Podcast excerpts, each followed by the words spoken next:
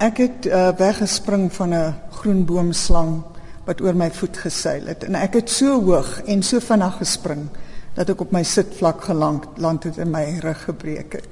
So daar is 'n stuk op die uitstalling hier genoem Genesis. En dit is 'n uh, 'n uh, 'n uh, werk van my kaalvoete met die groot groen slang wat daar oor seil. En ek gebruik dit as die genesis van die werk wat hier is, die begin van die werk, maar ek verwys ook na die vrou en die slang in die tuin. Eh, want dit is waar die hele idee van die vrou se minderwaardigheid en van die vrou se sondigheid begin het.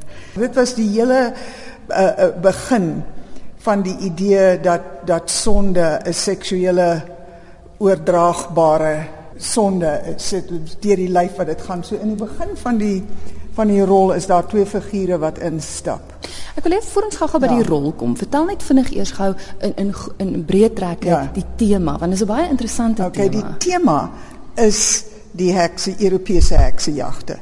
En wat gebeur het met my toe ek geval het en my rug gebreek het, kon ek vir 'n jaar lank nie regop sit nie en ek kon ook nie lank staan nie. So al my werk doen ek staande want my werk is groot. So dit het my geforseer om terug te gaan na my boeke toe en te lees. En jy weet oor die jare met my navorsing en my werk wat gaan oor die uh vroulike in die in die in die godsdiens, die godin, uh die aardmoeder, die manier om die heilige te sien in 'n vroulike vorm kom jy noodwendig uh die heksejagte te. Maar dit was vir my altyd so 'n moeilike onderwerp om in te neem. Dit was dit is so hard om te lees oor die mense wat so gefolter was, se lywe wat so verskeur en gebrand en gebreek was. Dit was onmoontlik om te lees. En hier lê ek met my rug in pyn en met die tyd om te lees. En vir die eerste keer kon ek al daardie angs en daardie suffering inneem want die pyn in my lyf het vir my daai hele vista oopgemaak. So dit is waarom die tema uh daar uitgekom het. Dit is 'n enorme lang rol en met baie vroue figure op. Jy het begin deur nou net te sê aan die begin van die rol? Ja. Daar's twee figure wat daar instap, 'n man en 'n vrou wat hande vashou. En dit is my so simboliese uh, uh, uitbeelding van Adam en Eva want was was met hulle met die begin van die storie in Genesis en wat die kerkvaders van daai storie gemaak het. Dit was Augustine wat vir ons vertel het dat die sonde wat hulle gepleeg het uh, word seksueel oorgedra aan die volgende geslagte. So jy sien dat Eva het haar hand op die voorarm van 'n swanger vrou. So dit is nou daardie indikasie. Daar is so al die figure wat uitgebeeld word is is stories waaroor jy gelees het in boeke en dis vroue van daardie tyd. Ja, dis vroue en mans ook.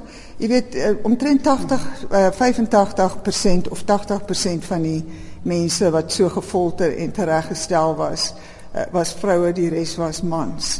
Uh dikwels was die mans of die eggenoot van 'n vrou wat aangekla was vir heksery of dit was haar seun uh en en en dikwels het hulle hele gesinne um uitgeroei byvoorbeeld in baie dele van wat nou Duitsland is maar wat toe die Holy Roman Empire was het hulle in die later jare van die heksejagte toe dit nou regtig waar vurig begin opbou het het hulle uh terwyl die ouers uh verbrand word moes die kinders staan en kyk hmm. En dan loop ook baie keer na die tyd, 'n paar dae daarna of 'n paar maande daarna was die kinders ook tereggestel. So dit was 'n uh, is dit I mean soos wat jy kan hoor, ek sien jy wenk wenkbroue vlieg vlieg so op. Dit is 'n dis ontsettende inligting om in te neem. Is ons 'n klop geskryf op die kunswerk. Ek sien daar's een vroue figuur waar daar woorde op haar geskryf is en dan by die ander is daar woorde tussen die figure geskryf. OK, laat ek dit verduidelik. Soos wat ek gelees het oor die heksejagte en ook natuurlik soos wat jy dit lees is dit ook die geskiedenis van die Christelike godsdiens. Dit was 'n tydperk van ink. Almal het geskryf, dit was mans, nie vroue nie, was net die mans, die vaders van die van die geloof het geskryf, hulle het on, uh, verhandelings geskryf, hulle het ideologies geskryf. Dit was 'n tyd wat alles uh, teorie was en ehm um, soos ek sê was 'n groot tyd van ink en woorde en woorde soos wat ons weet het onsagtelike mag. Ehm um, en hierdie mense was amper soos wat ek deur die goed gelees het, hulle was deur woorde doodgemaak, deur teorieë, deur die woorde wat uit hulle uitgeforseer was uh, as gevolg van die foltering. So ek gebruik die inscriptions op op hierdie rol in uh, sommige maniere. Hiervan is daar soort van uh, stories van spesifieke mense. Mm.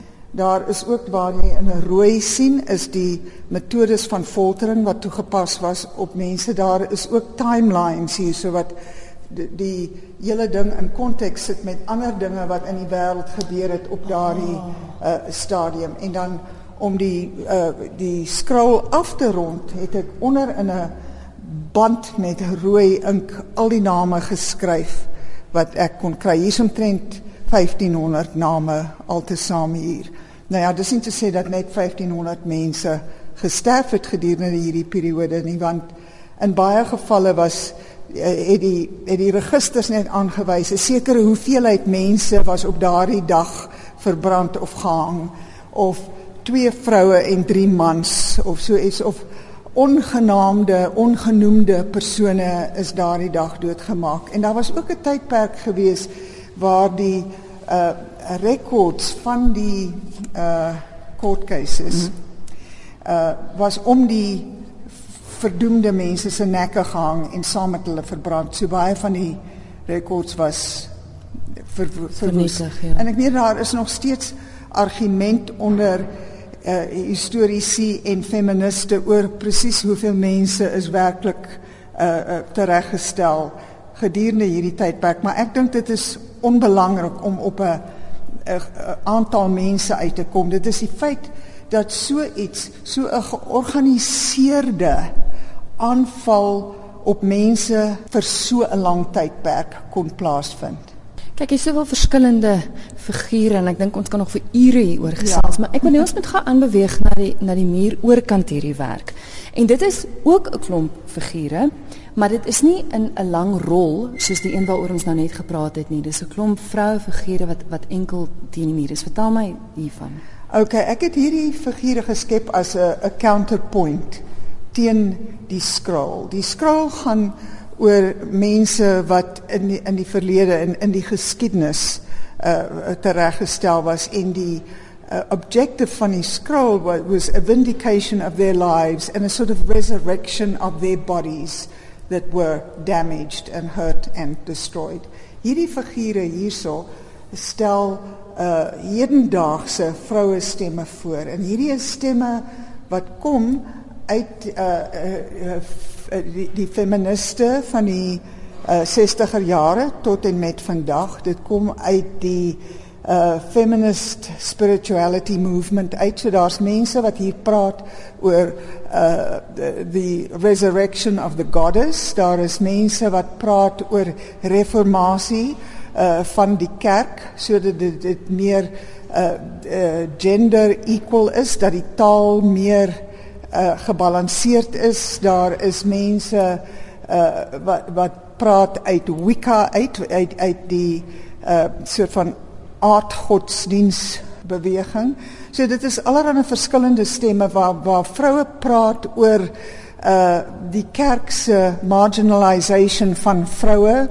Uh, hulle praat oor die gender of God en die effek wat dit het op die vroue liggaam op 'n vrou se selfbeeld ensovoorts ensovoorts ensovoorts maar basies wat dit beteken is dat hierdie stemme as hulle 400 of 500 jaar gelede gehoor was sou hierdie mense verbrand wees. So dit is ook 'n soort van 'n verering 'n celebration mm -hmm. van die vryheid waarmee 'n vrou vandag kan praat en haar waarheid praat. Al die figure hier is naak so hulle staan vir die naakte waarheid.